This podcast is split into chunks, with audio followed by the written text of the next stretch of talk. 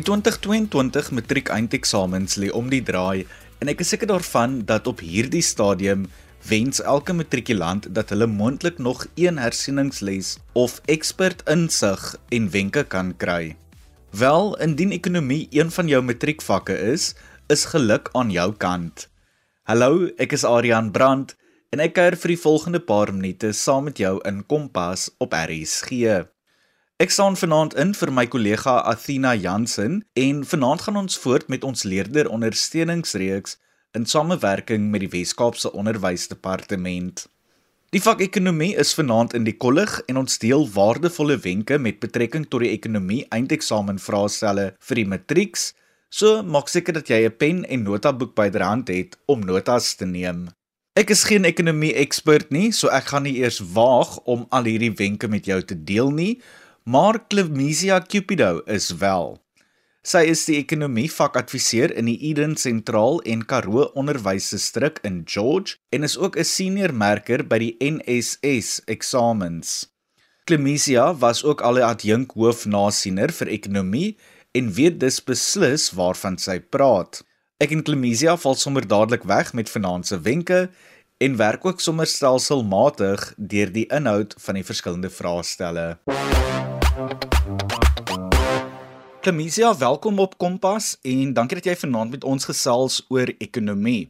Wil jy nie vir ons 'n kort uiteensetting gee van wat ons alles vanaand gaan dek nie? Vanaand gaan ons die laaste paar dingetjies herhaal wat die meeste onderwysers alreeds met ons matrikulante gedeel het. Op hierdie stadium van die wedstryd moet die leerders eksamen gereed wees. So ek noem dit sommer net 'n paar finale tips. Reg, kom ons val sommer dadelik in die pad. Kom ons praat so 'n bietjie oor die eerste twee wenke. Eerstens, weet wanneer jy ekonomies skryf en ken die formaat van jou vraestel. Onthou, daar is twee vraestelle. Vraestel 1 skryf ons Dinsdag 1 November. Ja, dis om die draai en vraestel 2 net 'n week later op Dinsdag 8 November. Tweedens, organiseer jouself. Deur die jaar het jy verskillende bronne by jou opvoeder gekry. Maak seker dat jy weet wat is vraestel 1 bronne en wat is vraestel 2 bronne. Organiseer dit per hoofonderwerp. Jou belangrikste bron bly egter jou eksamenriglyne van 2021. Hierdie riglyne is goud werd en jy moet dit ten alle tye byderhand hê as jy studeer. Dan verskil die bronne van provinsie tot provinsie. Sekere provinsies het 'n handboek wat hulle gebruik, ander het meer kernnotas.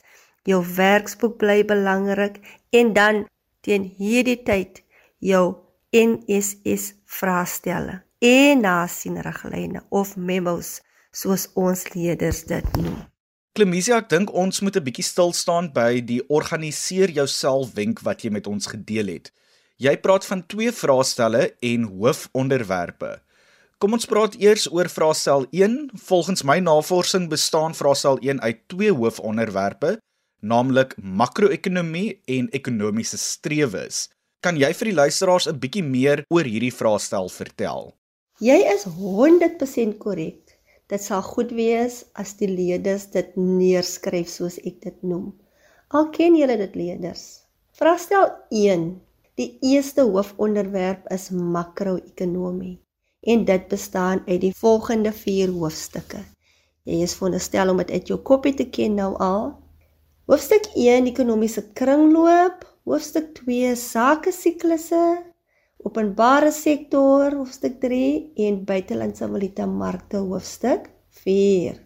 Die tweede hoofonderwerp is ekonomiese strewes en dit bestaan ook uit 4 hoofstukke, naamlik internasionale handelsbeleide, ekonomiese groei en ontwikkeling, streeks en nywerheidsontwikkeling en laaste ekonomiese en sosiale aanwysers. Nou, die grootste vraag wat leerders seker het is, hoe word hierdie onderwerpe en hoofstukke versprei in vraestel 1 en dan ook wat kan leerders verwag? Ja, die inhoud van die twee onderwerpe word presies 50 versprei in die vraestel. 'n Ekonomie vraestel bestaan uit 3 afdelings. Afdeling A is jou verpligte kortvraag, vraag.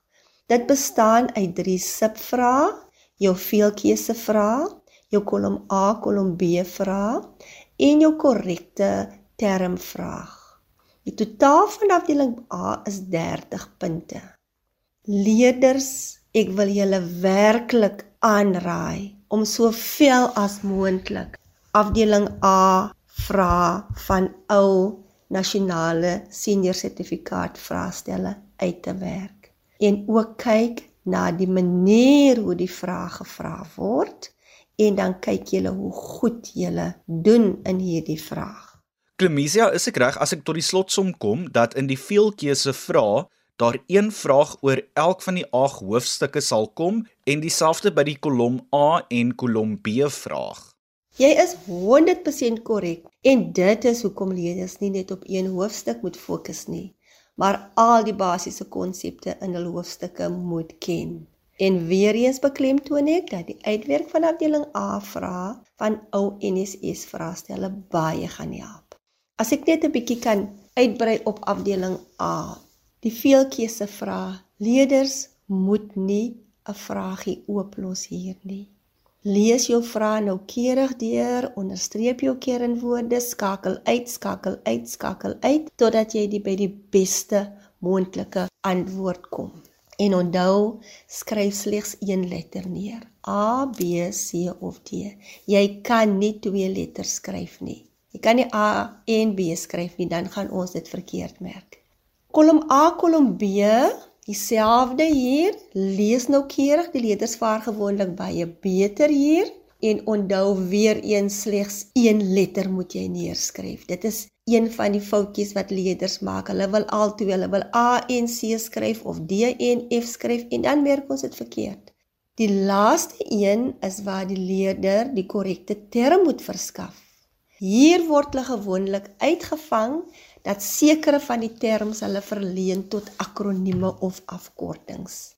Matrikulante, jou onderwyser het dit nou al baie gesê, geen akronieme of afkortings word aanvaar nie. Jy moet dit volledig uitskryf want ons gaan nie 'n punt allokeer as jy 'n afkorting skryf nie. Klemisia afdeling B het ook 'n spesifieke formaat. As ek reg onthou, is daar vrae wat jy data respons vrae noem waar leerders 'n spotprent, 'n leesstuk, 'n artikel, tabelle, grafieke ensovoorts kry en dan moet hulle dit ontleed of iets.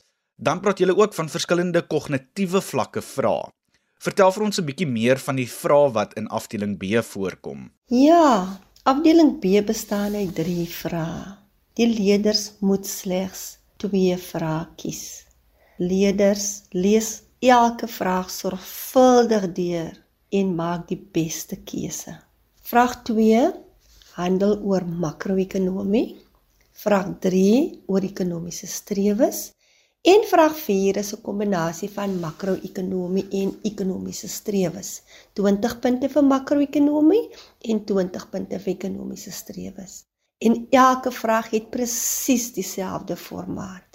Ek sal nou 'n tipiese vraag 2 as 'n voorbeeld gebruik. En onthou, dit is slegs voorbeeldvrae. Ek het geen idee wat in ons 2022 vraestelle is nie. Ja, jy het gepraat van die verskillende kognitiewe vlakke. Ons het 2.1 is ons 'n redelik maklike vraag, 'n noemvraag vir 2.1.1. Byvoorbeeld, noem enige twee soorte sake siklusse. 2.1.2 is 'n bietjie moeiliker. Byvoorbeeld, Hoe sal 'n toename in belasting die marginale verbruiksgeneigtheid beïnvloed? So die leerder moet ietwat van 'n toepassing vragie daardie. 2.2 en 2.3 is ons se twee data respons vrae wat elk 10 punte tel. En hier word kandidate verskaf van of 'n leesstuk of 'n tabel met statistieke in of 'n spotprent in 'n kort beskrywingkie sirkelgrafieke, enige vorm van data. 2.2.1 Met ander woorde, ons eerste twee vrae is gewoonlik die makliker vrae. wat of in die data gesien kan word of wat jy vinnig kan aflei van die data, maar dit het direk betrekking op die data wat verskaf word. Ons derde vraagie by ons data respons vraag is altyd ons beskryf kortliks vraag. Dit is waar jou konsepte ook inkom. Byvoorbeeld as hulle data respons vraag gee wat handel oor byvoorbeeld ons regering wat misluk, kan hulle enige konsep wat verband hou met die openbare sektor vra. Byvoorbeeld, beskryf kortliks parastatale of beskryf kortliks meriete goedere. Die vierde vraagie is gewoonlik 'n teoretiese vraag wat gewoonlik, ek sê leer liefs gewoonlik, maar dit kan afwyk, iets is wat in jou notas of in jou handboek is.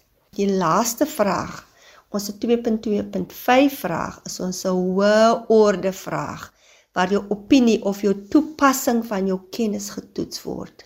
Byvoorbeeld, hoe beïnvloed openbare sektor mislukking sosiale stabiliteit? Kan sien. Hulle vra nie direkte teorie vraag nie, hulle vra hoe. Hulle is baie lief vir die woordjie hoe in ekonomie. 2.4. Nou beweeg ons na ons 8 punte vrae toe. 2.4 en 2.5 is ons 8 punte vraag. Jou eerste 8 punt vraag is ook gewoonlik 'n middelorde vraag wat jy iewers in jou notas raak gelees het of in 'n handboek raak gelees het. Byvoorbeeld, bespreek die rol van die finansiële sektor in die ekonomiese kringloop of bespreek die finansiële markte in die ekonomiese kringloop.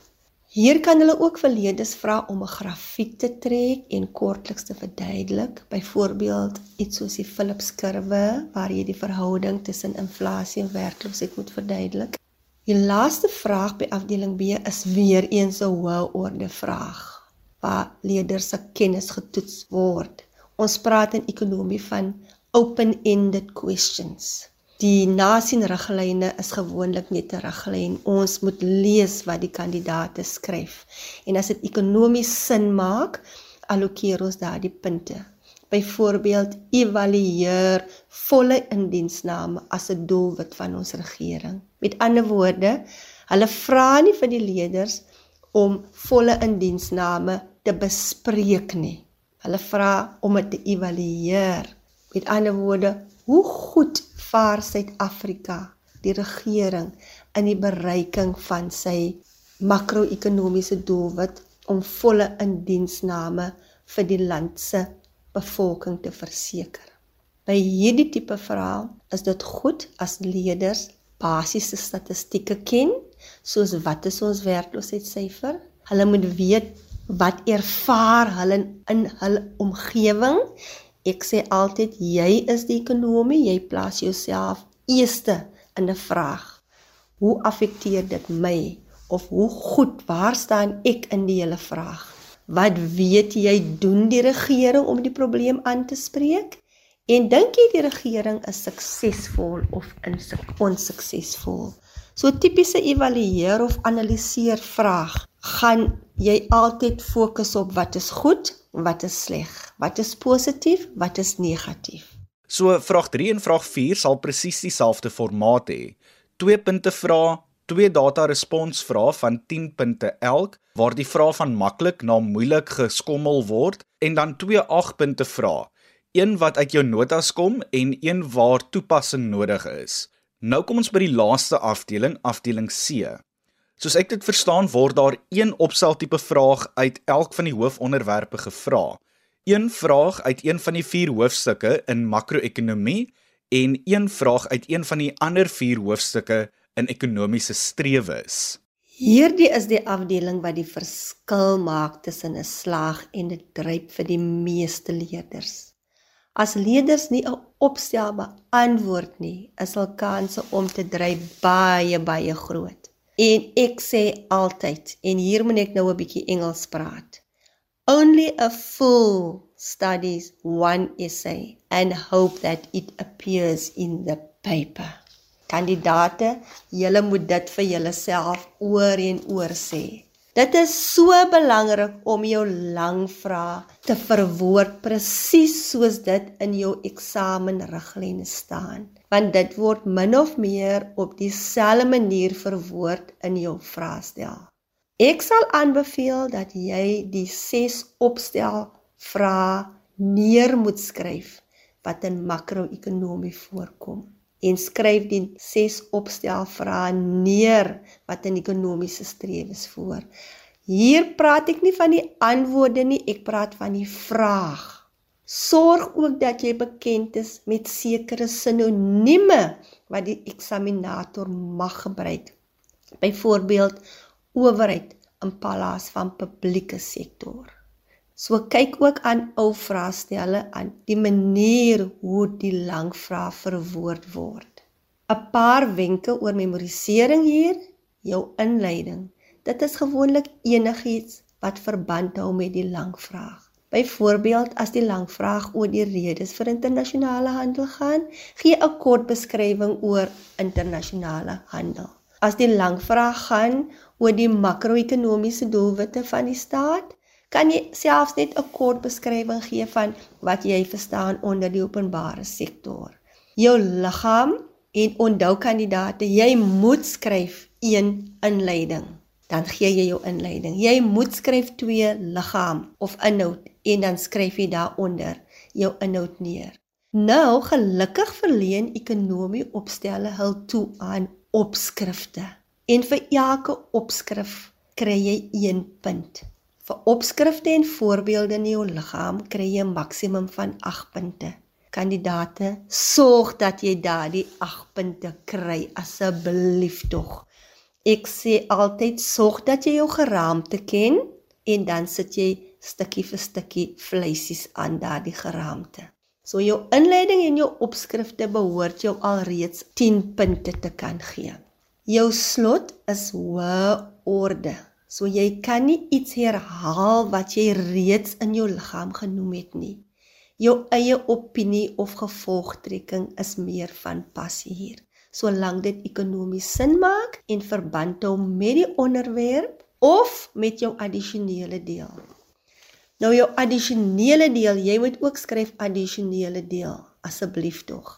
Hierdie is die hoë orde vraag en baie leerders los dit gewoonlik net oop. Asseblief leerders moenie. Jy het ekonomie bestudeer vir 3 jaar. Jou opinie en algemene kennis van die nuus en of die politiek is baie belangrik hier. Um goeie voorbeeld evalueer die sukses van die Suid-Afrikaanse regering in die hantering van openbare sektor voorsieningsprobleme. Wat ervaar jy? Wat ervaar ons byvoorbeeld van Eskom? Wat ervaar ons van ons infrastruktuur? Wat ervaar ons van ons maatskaplike toelaat wat voorsien is? Wat is die probleme en hoe hanteer die regering dit heidaglik? Leerders skryf enige iets. Jou opinie tel en jy sal punte kry solank jy die vraag tot die beste van jou vermoë probeer beantwoord antwoord. So daar het ons dit nou oor vraestel 1 en dit was omtrent 'n mond vol. Klemisia kuier nou verder saam en ons pak vraestel 2 by die horings.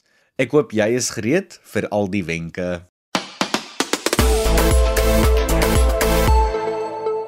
Ek neem aan vraestel 2 het presies dieselfde formaat as vraestel 1, maar bestaan natuurlik uit twee ander hoofonderwerpe. As ek nou reg onthou, bestaan dit uit mikroekonomie en kontemporêre ekonomiese kwessies. As ek ook nou verder reg onthou, is kontemporêre ekonomiese kwessies redelik leerdervriendelik, aangesien dit onderwerpe soos inflasie, toerisme en omgewingsvolhoubaarheid insluit. Arian, weer eens heeltemal korrek ja. Kontemporêre ekonomiese kwessies in vraestel 2 word deur die meeste leerders as die makliker onderwerp beskou, maar ek wil tog die leerders waarsku om hul eksamenriglyne noukeurig te lees en seker te maak dat hulle alle aspekte dek. Wees ook op hoogte van wat die afgelope 2 jaar met inflasiesyfers gebeur het en hoe dit ons almal affekteer. Dieselfde geld vir toerisme. COVID-19 het die toerismebedryf wêreldwyd groot skade aangedoen. Wat word heidaglik gedoen om ons toerismebedryf weer te herlewe? Omgewingsvolhoubaarheid vereis ook dat jy op hoogte moet wees van die verskillende omgewingsprobleme wat ervaar word. Klimaatsverandering is natuurlik die groot een en die hele wêreld word gedurig getref deur die een of ander natuurramp. Leerders moet dit verstaan en ook waarom daar so baie klem op groen energie geplaas word deesdae. Dan wil ek ook spesifiek praat van die verwarring wat by baie van ons leerders ontstaan het gedurende die September eksamen ten opsigte van die lang vrae oor omgewingsvolhoubaarheid. Beide van die vrae meld dat hulle moet die maatreëls bespreek Die een praat spesifiek van die regeringsmaatreëls en die ander een praat van die internasionale maatreëls. Kandidate regeringsmaatreëls verwys ook na regeringsingryping en regeringsintervensie.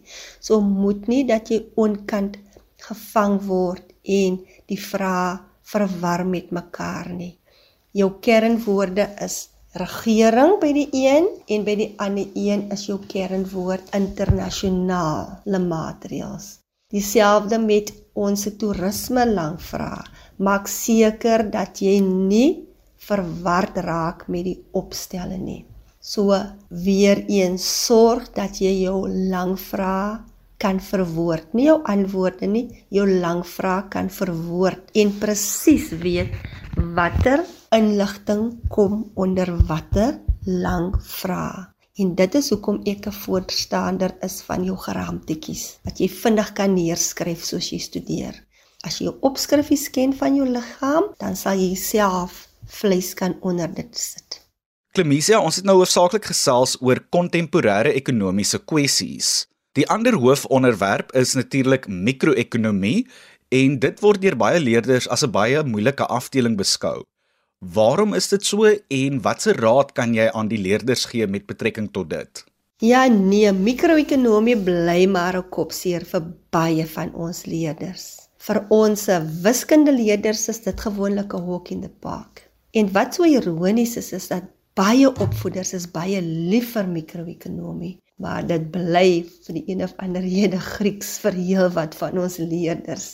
En ek dink een van die redes is seker die grafieke en die basiese berekeninge wat dit insluit. So van die leerders sien net iets lyk like soos wiskunde en hulle slaan net blank. My advies aan leerders hier is dat hulle ten minste 'n opsommende tabel van die verskillende markstrukture moet doen. Die meeste handboeke bevat so 'n opsommende tabel. Dit is nou van jou, veral van jou kenmerke en jy kan self jou basiese grafieke insluit daar. Sorg dat jy die inhoud van die tabel goed ken. Dit sal jou 'n goeie oorsig gee van elke markstruktuur. Dit sal jou ook help om van die opstelvrae te beantwoord wat ook kan insluit bespreek die kenmerke van byvoorbeeld die monopolie of die oligopolie of hulle kan vir jou vra vergelyk die een markstruktuur met 'n ander markstruktuur. Byvoorbeeld vergelyk die kenmerke van die volmaakte markstruktuur struktuur met die van die monopolie. So as jy daardie vergelykende tabel ken wat jy sommer net op 'n one pager kan doen, dan ken jy al redelik baie van mikroekonomie sonder dat jy jou grafieke noodwendig al ken. Maar die grafiek is eintlik maklik. Jy moet net oefen om dit te trek en die basiese tegnieke toepas as jy dit trek. Maak seker dat jy weet hoe om die verskillende kurwes korrek te trek. Byvoorbeeld, 'n algemene fout is dat leerders nie seker maak dat die marginale kostekurwe die gemiddelde kostekurwe by sy minimumpunt moet sny nie. Dit moet jou goue reël wees as jy jou grafieke trek. As jy dit verkeerd doen, is jou hele grafiek foutief en verloor jy kosbare punte.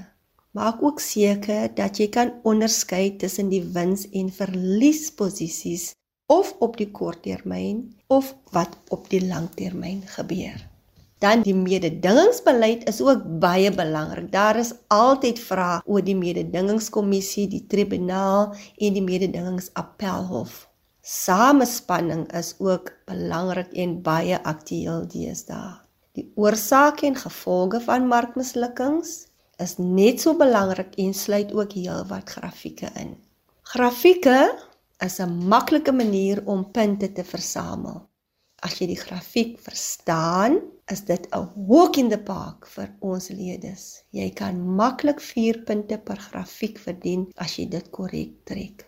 Indien grafieke egter Grieks nog steeds Grieks is vir jou die tyd van die jaar, sal ek aanbeveel fokus dan liefs op die teorie. Daar is genoeg en sorg dat jy kontemporêre ekonomiese kwessies goed ken en verstaan. Klemisia, die tyd het ons gevang en ons moet groet, maar voordat ons doen, is daar enige ander wenke wat jy graag vir die leerders wil gee in voorbereiding vir die ekonomie eindeksamen? Ja, ek kan seker maar net herhaal wat die meeste opvoeders al gesê het. Stel 'n realistiese studierooster op. Probeer baie hard om by jou studierooster te hou gaan elke dag deur jou opstel vra. Onthou, jy moet alle opstelle in 'n hoofonderwerp ken om veilig te wees. Maak gebruik van geheuekaarte om 'n onderwerp op te som. Speel met kleure om jou studienotas interessant te maak. Baie belangrik, praat met jou maats oor jou werk. Op die dag van die eksamen, dag vroeg op vir die eksamen, lees die instruksies noukeurig deur. Neem jou tyd om deur die vraestel te lees. Leerders kry gewoonlik 10 tot 15 minute om dit te doen. Sodra die eksamen toesighouer sê dat jy jou pen mag optel, dan maak jy kort notas op jou vraestel. Kriptiese notas wat jou later sal help as jy by die spesifieke vraag kom. En dit is maar 'n stresvolle en oorweldigende tyd om in daardie eksamenlokaal te sit. Onthou jy kan met enige afdeling eers te begin. Skryf net duidelik die afdeling bo-aan en nommer die vraag presies soos dit in die vraestel voorkom. Jy kan byvoorbeeld met afdeling C begin. En as jy vraag 6 kies, dan skryf jy vraag 6 neer. En laaste maar die belangrikste, matrikulante, onthou om asem te haal. Dranklemisia Cupido, die ekonomievakadviseur in die Eden Sentraal en Karoo Onderwysdistrik in George, wat saamgekyer het in Kompas op RSG.